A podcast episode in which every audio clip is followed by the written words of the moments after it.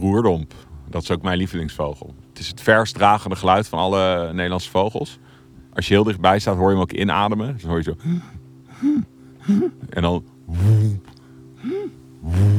Dat, uh, dat het geluid maakt. En als je er heel dichtbij staat, dan, ja, dan dreunt dat echt door in je maag, bijna.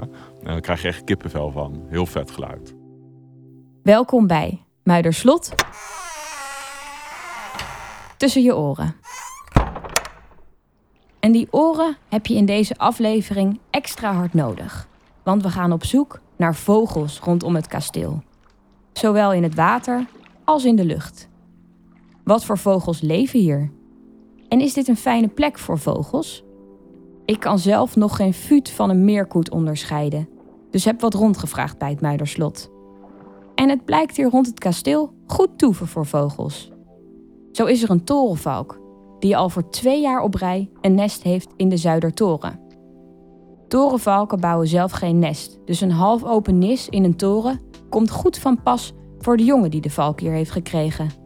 En op de slotmuren wordt in het halfdonker vaak een kerkuil gezien. Vanuit de uilenkasten, in schuren, in boerderijen uit de buurt komen de uilen richting het slot om te jagen. In de avonduren is het hier meestal lekker rustig. En dat vindt de elf fijn. En in de vroege zomer hoor je overal in het kasteel jongen kauwen. De ouders maken nesten in de nissen van het slot, in gaten en onder de leien, een soort dakpannen. Aan de binnenplaatszijde gaat het met de jonge kauwen vaak goed. Maar aan de kant van de slotgracht gebeurt het wel eens dat de jonge vogels bij hun eerste vlucht in het water vallen. Collega's bij het Muiderslot hebben de jonge kauwen gelukkig vaak met een bootje kunnen redden. Mijn gast van vandaag kan mij nog veel meer vertellen over de vogels rond het kasteel en hoe de vogelpopulatie door de geschiedenis heen is veranderd. Arjan Dwarshuis staat klaar met zijn verrekijker. Je kunt hem kennen van de Vogels podcast, waarin hij wekelijks op vogelsafari gaat met jeugdvriend Gisbert van Balen. Nou, kijk, hier zijn dus al die meidoornen. Altijd goed voor. Uh, kijk, Merel zit hier, vrouwtje. Kan je herkennen aan de beetje bruinige borst. Wat zit hier nog? Oh, kijk, pimpelmeisjes. Dit werkt altijd goed.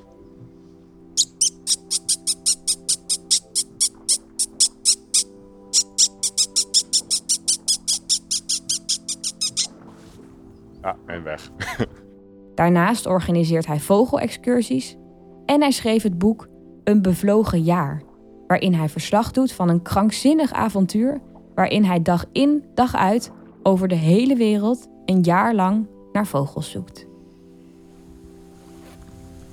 Waar komt jouw fascinatie voor vogels eigenlijk vandaan? Um, nou, uh, ik uh, ben al gefascineerd door de natuur uh, voor zo lang als ik me kan herinneren. En um, ja, dat begon al echt, ja, eigenlijk toen ik ja, leerde praten en, en, en, lopen, was ik al bezig met ja, schelpjes zoeken en dat soort dingen.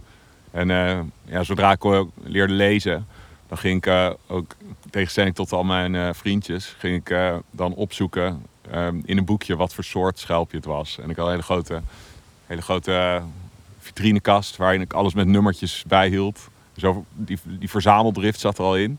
En op een gegeven moment werd dat vogels. En uh, ja, hoe het precies begon weet ik niet, maar ik weet gewoon een paar waarnemingen. Dat noemen de Britten noemen dat een sparkbird. De spark that ignites the, ignites the flame. Dus vogels die, die ik dan zag en dan, dan zoals een ijsvogel voor het eerst of een, uh, die ik onderweg hier naartoe ook heb gezien. Dat is wel grappig. Um, en dan, ja, dan word, daardoor werd ik echt dieper in die hobby uh, gezogen als het ware. En, Noem uh, nog eens wat van die momenten. Nou, mijn eerste keer een, een roerdomp. Dat soort schuwe gecamoufleerde reiger die in het, in het riet leeft. Ook, ook hier in de buurt bijvoorbeeld. Heb je wel plekken rond het Markermeer waar die zitten. En dat was zo'n vogel die had ik dan al heel vaak in het, in het oude vogelboek, het grote vogelboek van Nederland. Van wat van mijn overgrootvader was geweest. Dat lag dan in onze serre. En dan, dan, zag ik zo'n vogel en dan, en dan dacht ik, ah, die wil ik echt super graag zien. En dat duurde dan soms een jaar of twee jaar. En dan, dan zag ik hem voor het eerst en dan was het echt wauw. Wow. Dan kon ik niet slapen Ja. van, eh, van, eh, van adrenaline die avond. Ja. Schattig. maar echt een soort bijbel voor iedereen die van vogels houdt. Ja, en ehm, en ja, zo, is het, zo is het een beetje begonnen. En ik had ook wel het geluk dat ehm, ehm, mijn ouders... nou, ik ben enig kind. En mijn moeder is, of die, die, die was reisagente. En dus ik werd... oh, het gaat daar een extra. ik werd eh, de hele wereld... En een vuut hier beneden. En ik werd de hele wereld eh, overgesleept. En eh, ja, op een gegeven moment dan ging ik ook op safari. Wat natuurlijk heel bevoorrecht is voor een klein, klein jochie. In, eh, in bijvoorbeeld Zuid-Afrika. En dan, eh, dat klinkt heel eh, verwend, maar op een gegeven moment, als je een waterhoentje, Wat hoor je Ja. waterhoentje. op een gegeven moment eh, eh, gaan dan de olifanten en leeuwen, die gaan een beetje vervelen als je een klein jochie van, van tien bent met ADHD. En dan, eh, dan bieden de vogels eh, uitkomst. Dus eh, zo ging dat een beetje. Maar nu, ik hoor je al, een fuut, een extra. Ja. Hou jij alles bij wat je tegenkomt? Ja, ik heb wel op vogelgebied wel een beetje een fotografisch geheugen. Dus als ik een excursie geef, dan hoef ik niks op te schrijven. En onthoud ik alles wat we die, die ochtend zien.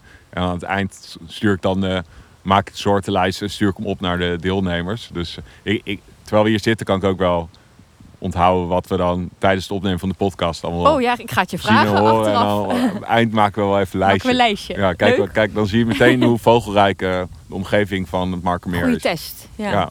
En hoeveel verschillende vogels heb jij in je leven gezien? Ehm, nou, om en nabij de 7.500 verschillende soorten. Zo. Ja, wel- en er zijn ongeveer 10.700 op de wereld. Ja.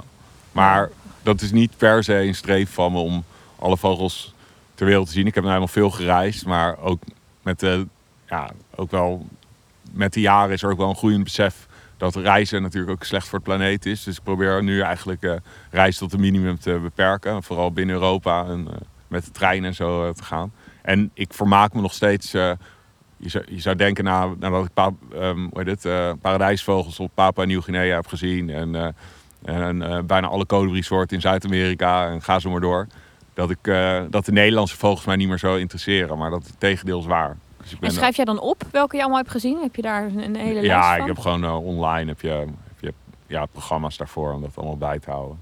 Maar ik, ja, ik, ben, ik ben nog steeds ook heel erg door de Nederlandse vogels eh, gefascineerd. Gelukkig, daarom Ja. zit je hier ook. Ja, ja, zeker. Ja, daarom zit ik hier. Hey, en, en vogelen en vogelspotten is echt iets anders, toch? Ik Nou. durf het bijna niet te vragen, maar Kijk, ik heb een podcast die heet de Vogels Podcast. ja, daar ga je. Ja, alleen dat was natuurlijk niet mijn keuze, die, die titel. Die heeft eh Gisbert, eh, met wie ik die podcast maakte, heeft die titel uitgekozen.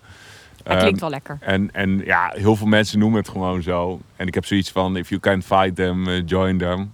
Ik zal het zelf nooit vogelspotten noemen. Maar als iemand vogelspotten zegt, eh, dat gebeurt nu zo vaak. Eh, en dat ik gewoon zoiets heb van, fuck it. Maar wat is dan het verschil? Nou ja, ik vind spotten, associeer ik een beetje met vliegtuigspotten. Een beetje als iets leems. en vogels kijken, ja, dat is hoe ik het altijd heb gezien, als iets cools. Ja. eh, Duidelijk. Ja. Is dit een goede plek om vogels te kijken?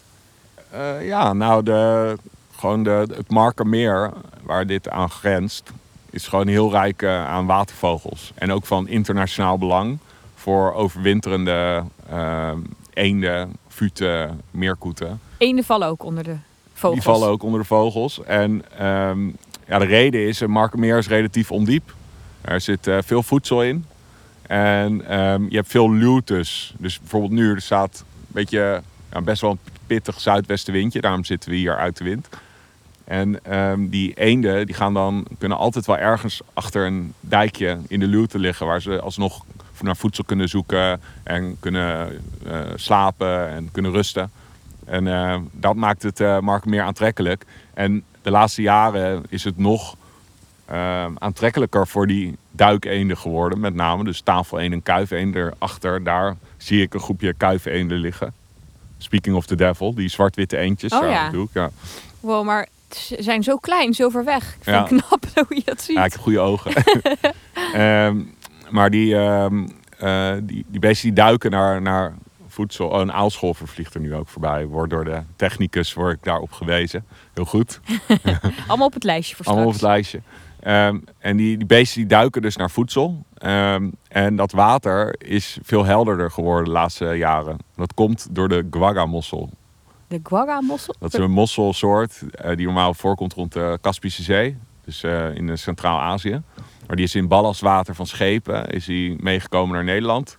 En dat ballastwater wordt dan geloosd. in het IJmeer bijvoorbeeld. Door, door die transportschepen.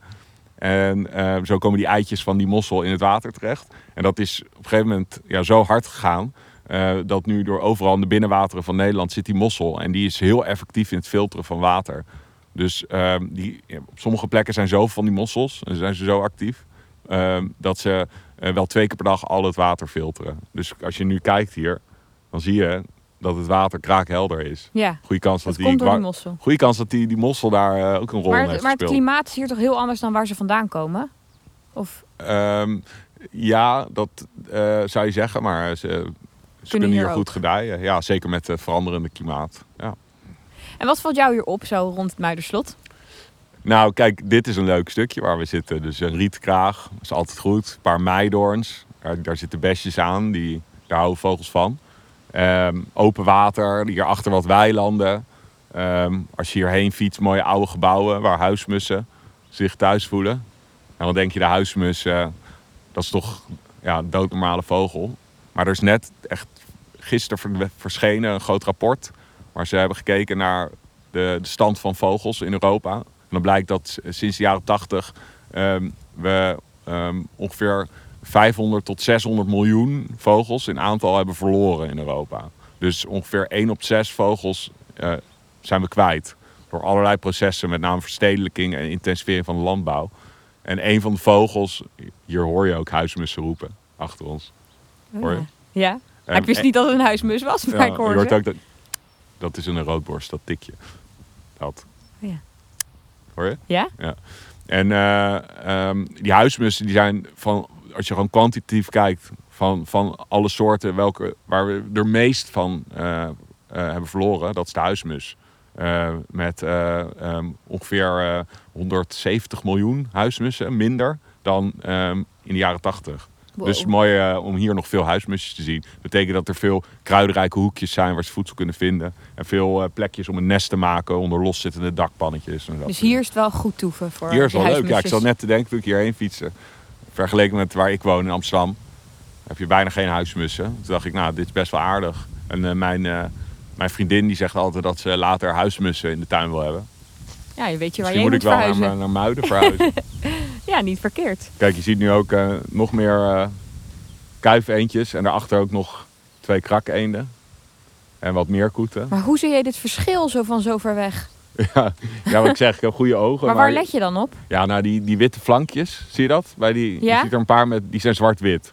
Dus dat zijn heel duidelijk mannetjes kuifeend. Die zijn vrij onmiskenbaar. En dan die wat plompere dingen met zo'n hoge achterkant, die helemaal donker zijn, dat zijn meerkoeten. En dan wat achterin zie je twee, onder die boogbrug, zie je twee eentjes naar links vliegen, die zijn wat grijzer. En met een langere nek, dat zijn krakkeenden. Dus als Weer ik het zo uitleg, dan, dan zie je het echt zelf ook, denk ik.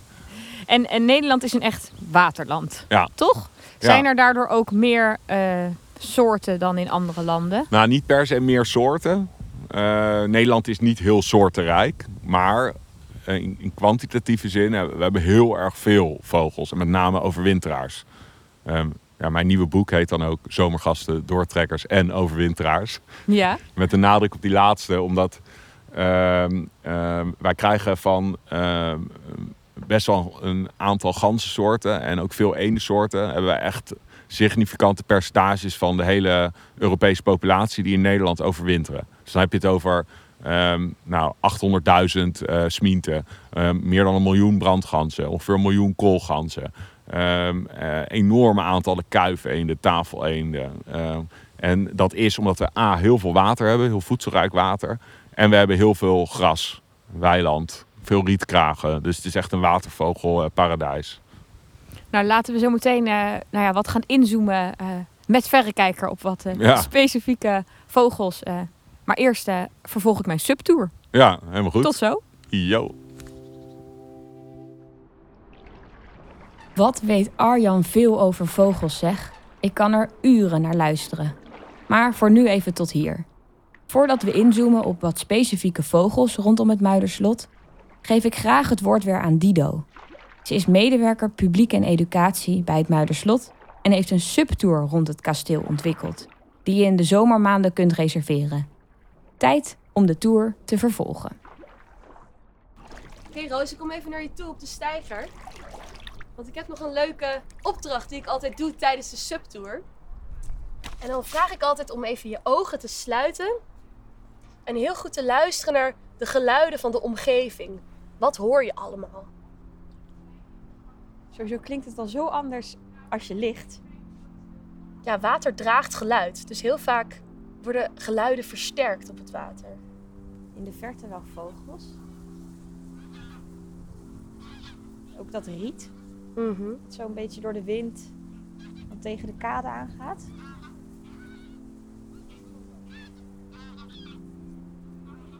Nou, het mooie is dat veel van de geluiden die we eigenlijk nu nog steeds horen, er vroeger ook al waren toen hier mensen op het Muiderslot woonden. Bijvoorbeeld dat riet, maar ook verschillende watervogels die toen al leefden. Dus dan kan je misschien heel even als het ware in die tijd stappen. Ja, best een gek idee eigenlijk dat gewoon die geluiden niet veranderen. Dat Ja. iemand die hier in de 17e eeuw zo aan het water lag, Precies. Wie weet, dit ja. ook hoorde.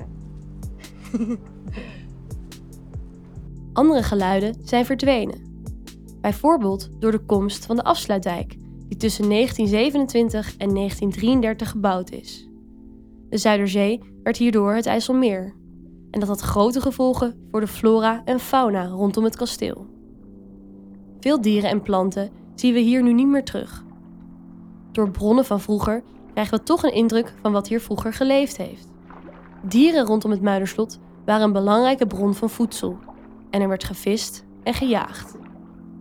B.C. Hoofd, een bekende kasteelbewoner uit de 17e eeuw, schreef erover in een brief aan Constantijn Huygens.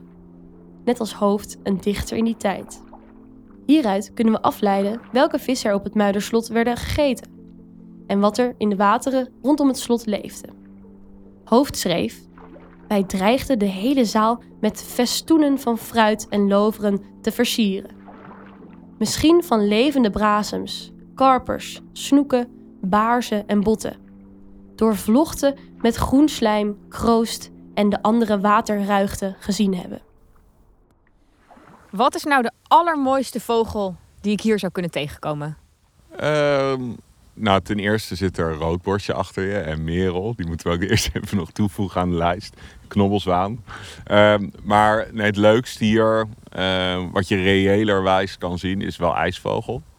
Er broeden twee paardjes hier in de vestingmuren. Volgens mij Een omdat ze- ja, omdat ze die nooit eh, ehm, eh, onderhouden. Klopt dat? Ja, ze, onderhouden? houden juist de vestingwallen Ja. hier eh, ja, zoals ze zijn. Ja, Dus precies. daardoor... Ze metselen niet de boel dicht. Nee, precies. Nee, dus dat bedoel ik, Dat ja. is een fijne Ja. omgeving toch voor de vogeltjes? Ja, en eh, ijsvogels natuurlijk eh, is een onwijs mooi vogeltje. Eh fluoriserend blauw.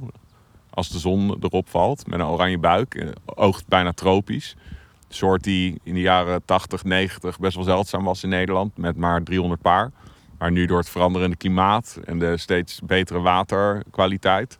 hebben we nu ja, een groeiend aantal ijsvogels. Al hebben ze met de vorst in, eh, van het voorjaar, of, eh, van de winter, februari is wel 80, 90 procent. eh, die heeft dat niet overleefd. Echt zoveel? Ja, ze heten ijsvogel ehm, omdat ze ijsblauw zijn. En niet omdat ze van ijs houden. Want ze, ze hebben water nodig om er visjes te vangen vanaf een overhangende tak. Als, eh, als er ijs ligt, kunnen ze geen voedsel vinden. Dus gaan ze dood.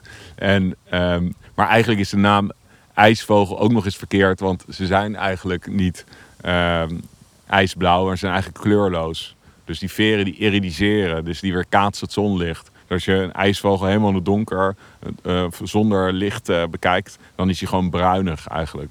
Oh, dus, ja. Bijzonder vogeltje. Ja. En dat dat hier leeft. Ja, en, en, en eh, wat ik zeg, toen ik hierheen eh fietste, toen kwam ik er één tegen. Maar dat was niet hier, maar even verderop in de buurt van eh, het Diemerpark. Ehm, en vaak hoor je ze eerst voordat je ziet. Dus je hoort een soort heel hoog schel geluid. En dan vliegen ze als een bolletje heel laag zo over het water. En daarom worden ze ook wel blauwe schicht genoemd. Dus eh, hier vliegt een eh, groepje spreeuwen voorbij. Oh ja, vier stuks. Ja. En ehm, welke vogel vind jij en dat eh, het... Turks tortel vliegt daar. worden even afgeleid door wat Ja, vogels. en nog meer spreeuwen. Oké. ja. Maar welke vogel vind jij nou dat het mooiste geluid maakt? Ehm, de roerdomp. Dat is ook mijn lievelingsvogel. En hoe klinkt dat? Want die hebben we al, heb ik net al natuurlijk uitgelegd, dat Ja. ik die voor het eerst zag. Ja. De die klinkt als een eh, misthoorn. Dus ehm, het is het verst dragende geluid van alle Nederlandse vogels. Waterhoentje hoorde je. Ehm, tot eh 5, 6 kilometer ver op een windstille ochtend. En dan, eh, ja, dan hoor je hem, als je heel dichtbij staat, hoor je hem ook inademen. Dus dan hoor je zo. En dan. Dat, eh, dat het geluid maakt hij. En als je er heel dichtbij staat, dan, ja, dan dreunt dat echt door in je maag bijna. En dan krijg je echt kippenvel van. Heel vet geluid. Cool, Ja. ik zou het ook niet zo snel associëren eigenlijk met een vogel. Nou, hij, is, hij, is, hij leeft verborgen in rietmoerassen. En als hij een partner wil vinden, moet dat geluid heel ver door dat rietmoeras dragen. En op die manier eh, ja, versiert hij een eh, vrouwtje. En dan vindt de ander, vindt dat vrouwtje vindt dat dan mooi. Die vindt dat eh, heel sexy, ja. Oké. Ja. en welke vogels ehm, komen we hier nog meer tegen? En- Ehm, nou, wat ik zeg, terwijl we hier eh, zitten, heb ik nu al, denk ik, zitten we al over de 15 soorten inmiddels. Ja. Ehm, maar ja, bijvoorbeeld die, die meidoorns die hier overal op die vestingwal staan. Ja, die zijn ideaal in het najaar. Nu is het najaar, winter. voor allerlei lijsters. Zoals merel, koperwiek, die hoorde ik net ook overvliegen. Zanglijster, dat soort soorten. Spreeuwen, die houden er ook van. En die rietkragen hier zijn weer ideaal voor kleine karakieten in het voorjaar. En eh, rietzangers. En ehm, eh, ja, ehm, je hebt die oude eh, kasteelmuren. Ik denk dat daar vast wel een gierzwaluw broedt of huiszwaluw. Ah, En- jij weet meer van het Muiderslot en, dan eh, ik. Ja, maar in de Oostvaardersplassen bijvoorbeeld, daar komen toch ook weer veel vogels van, van daar dan hier naartoe. Zeker, ja. Dus je hebt wel uitwisseling sowieso tussen het Markermeer en ehm, de Oostvaardersplassen. Dus er wordt bijvoorbeeld ook wel eens eh eh, zeearenden uit de Oostvaardersplassen worden wel gezien bij bijvoorbeeld de Diemer Vijfhoek. Dat is hier even verderop. Ehm 10 minuutjes fietsen. En dat, ja, dat kan hier zomaar overvliegen. Als je, op een, als je een keer hier het, eh, het slot bezoekt, eh, altijd goed omhoog kijken. Ja, Ja. goed opletten. En welke vogels vlogen hier vroeger wel rond, eh, maar nu niet meer? ik denk dat vooral ehm, eh, als je hier naartoe zou fietsen, vanuit Utrecht bijvoorbeeld, of vanuit Amsterdam, dan fiets je er heel veel weiland. En ik denk als je hier in de jaren 50, 60 naartoe fietste, ehm Aalschol vliegt over. Ehm, als je in de jaren 50, 60 eh, naartoe fietste, dan was het waarschijnlijk dat op ieder paaltje een Baltse de Grutto stond. Of een scholekster of een tureluur. Allemaal weidevogels. En ehm, ja, die zijn heel erg eh, hard achteruit gegaan in aantal door de intensivering van de landbouw. Dus ehm, al dat groen wat je ziet, bijvoorbeeld aan de overkant van het water hier, dat moet je niet zien als natuur, maar als industrie. Dus dat is gewoon eh, ja, intensieve landbouw met een laag grondwaterpeil, hele steile slootranden. Ehm, heel erg veel kunstmest wordt er gebruikt, bestrijdingsmiddelen. Daar kunnen eh, die weidevogels hun jongen niet groot brengen. En er wordt ook nog heel vroeg in het seizoen gemaaid. Dat is het ergste voor een hele hoge eiwitproductie van het gras. Dus daardoor be- belanden heel veel jonge gutto's en kievieten die het al overleven. Die belanden dan eh, tussen de, de bladen van de maaimachine. Oh. Ehm, ehm, dat is omdat we na de Tweede Wereldoorlog wilden we ons, eh, ehm, hadden we onszelf voorgenomen om nooit meer honger te lijden. Dus we hebben ons hele landschap heringericht van kleinschalig boerenland naar groot uitgestrekte weilanden. Dat heette de ruilverkaveling. En eh, daar zijn we zo in doorgeslagen dat nu onze eh, weidenatuur onder grote druk slaat. Ehm, al die eh, weidevogels in sommige gevallen, zoals de veldleverik, met 95% achteruit zijn gegaan. Net als de patrijs bijvoorbeeld. En ehm, door al dat gebruik van kunstmesten en, en, en, en doordat we veel te veel melkvee hebben en varkens en zo, ehm, heb je ook die enorme uitstoot van ammoniak. Waardoor we ook weer heel veel stikstofneerslag hebben. En ook dat is niet weer goed voor de vogels. ook niet goed voor, eh, voor de natuur, voor de biodiversiteit. Maar ik vind echt enorme percentages die Ja, dat is echt, eh, echt, eh, echt heel lijp is dat. Ja. ja. Het is altijd, ik kan het niet vaak genoeg benoemen. Dat doe ik ook veel in mijn eigen podcast. Ga En, dat eh, luisteren. Ja, maar het is echt zaak dat we ons landschap anders gaan inrichten en onze voedselproductie veranderen. En ook daar zijn we de boeren natuurlijk verantwoordelijk voor, maar zeker nog net zo verantwoordelijk gewoon wij zelf als consument eh, en de politiek. Dus bedenk goed waar je op stemt, bijvoorbeeld. Ja, maar nog even bij die vogels die hier, eh, die hier vroeger leefden. Want als Ja. we bijvoorbeeld nog verder teruggaan in de tijd, Ja, zeg de 17e eeuw, toen Ja. PC Hoofd hier woonde, ja. waren er toen ook weer andere vogels die er nu niet meer zijn? Nou ja, bepaalde ehm, soorten, ehm, ja, die ehm, zijn we gewoon sowieso kwijtgeraakt. Hè? Er zijn al een aantal vogelsoorten zijn in de vorige eeuw uitgestorven geraakt in Nederland. Zoals de ortolaan. Dat is een, eh, een vogel wel meer van eh, ja, kleinschalige eh, cultuurlandschap. Ehm, de duimpieper. Ook een vogel die we kwijt zijn geraakt. de korenhoen, heel bekend. Een mooie zwarte hoenderachtige vogel. Leeft voor het laatst op de Sallandse Heuvelrug, rug, maar ook daar zijn ze, zijn ze verdwenen. Dus ja, we, hebben- we hebben al wat soorten zijn verloren. En één, één soort waar ik denk, waarvan ik denk dat in de 17e eeuw, eh, of was het 17e eeuw? 17, ja, ja. in de 17e eeuw, die waarschijnlijk hier heel algemeen was. Als wij hier dan rond hadden gelopen in april, mei, dan had je waarschijnlijk overal dit geluid gehoord. Namelijk het geluid van koerende zomertortels. En de zomertortel, ehm, die is echt gekelderd in aantal. Eh, we hebben nu nog maar iets van 700 paar zomertortel in Nederland. En sowieso eh, is dat een soort die we, als we zo doorgaan, misschien wel wereldwijd gaan verliezen in de komende 20, 30 jaar. Ehm, en terwijl toen eh, was dat een vogel die gewoon heel algemeen voorkwam. En waar werden die vogels rondom het kasteel eh, vroeger zo voor gebruikt? Ehm, nou, ik denk dat er ook veel op werd gejaagd. Ja, Ja, vroeger was er natuurlijk echt nog een heel erg jachtcultuur. Ja die valkenjacht was hier echt een, een hobby Ja. eh, van rijke bewoners. Ja, precies. Ja. Ja. En, eh, ehm, En dan kreeg de, de belangrijkste persoon kreeg dan de grootste vogel, zoals een slechtvalk of een havik. ja, Eh, en minder belangrijke personen gingen jagen met een torenvalk. oké. Bijvoorbeeld. Ja, nou, zo leer ik ook Zo ook wat. Ja, zo krijg van je ook kenners hier geleerd ook een, een van de, van de eenden. Nou, nu liggen die er niet. Maar een van de vogels die hier eh, waarschijnlijk ook, eh, als we een rondje zouden lopen, tegenkomen, is misschien een tafeleend. En ehm, die heet ook tafeleend omdat er op schilderijen uit de 17e eeuw, ehm, tenminste dit is een van de theorieën waarom die tafeleend heet, ehm, werd die heel vaak afgebeeld als jachtwild. Dus dan tussen de, de schalen met fruit en de dode eh, fazanten en zo lag ook dan een tafeleend. Vandaar de naam, Vandaar de naam. tafeleend. Ja, Maar het kan ook komen door zijn zilverkleurige mantel.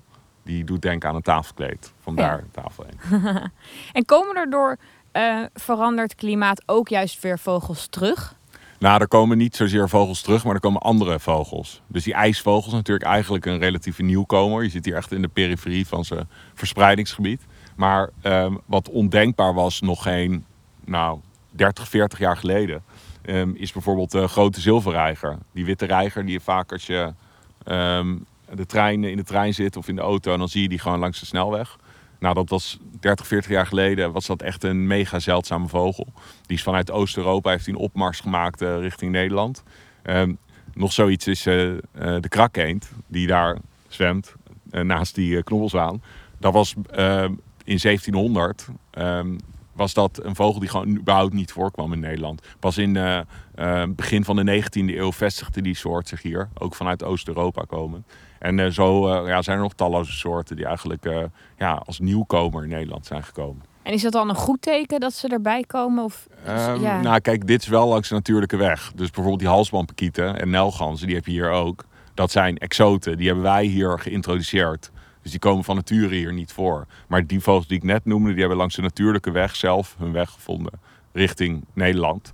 En ja, is dat een goed teken? Eh, nou, het is denk ik wel goed dat sommige vogels wel goed kunnen omgaan met die eh, verandering die door de mens is veroorzaakt.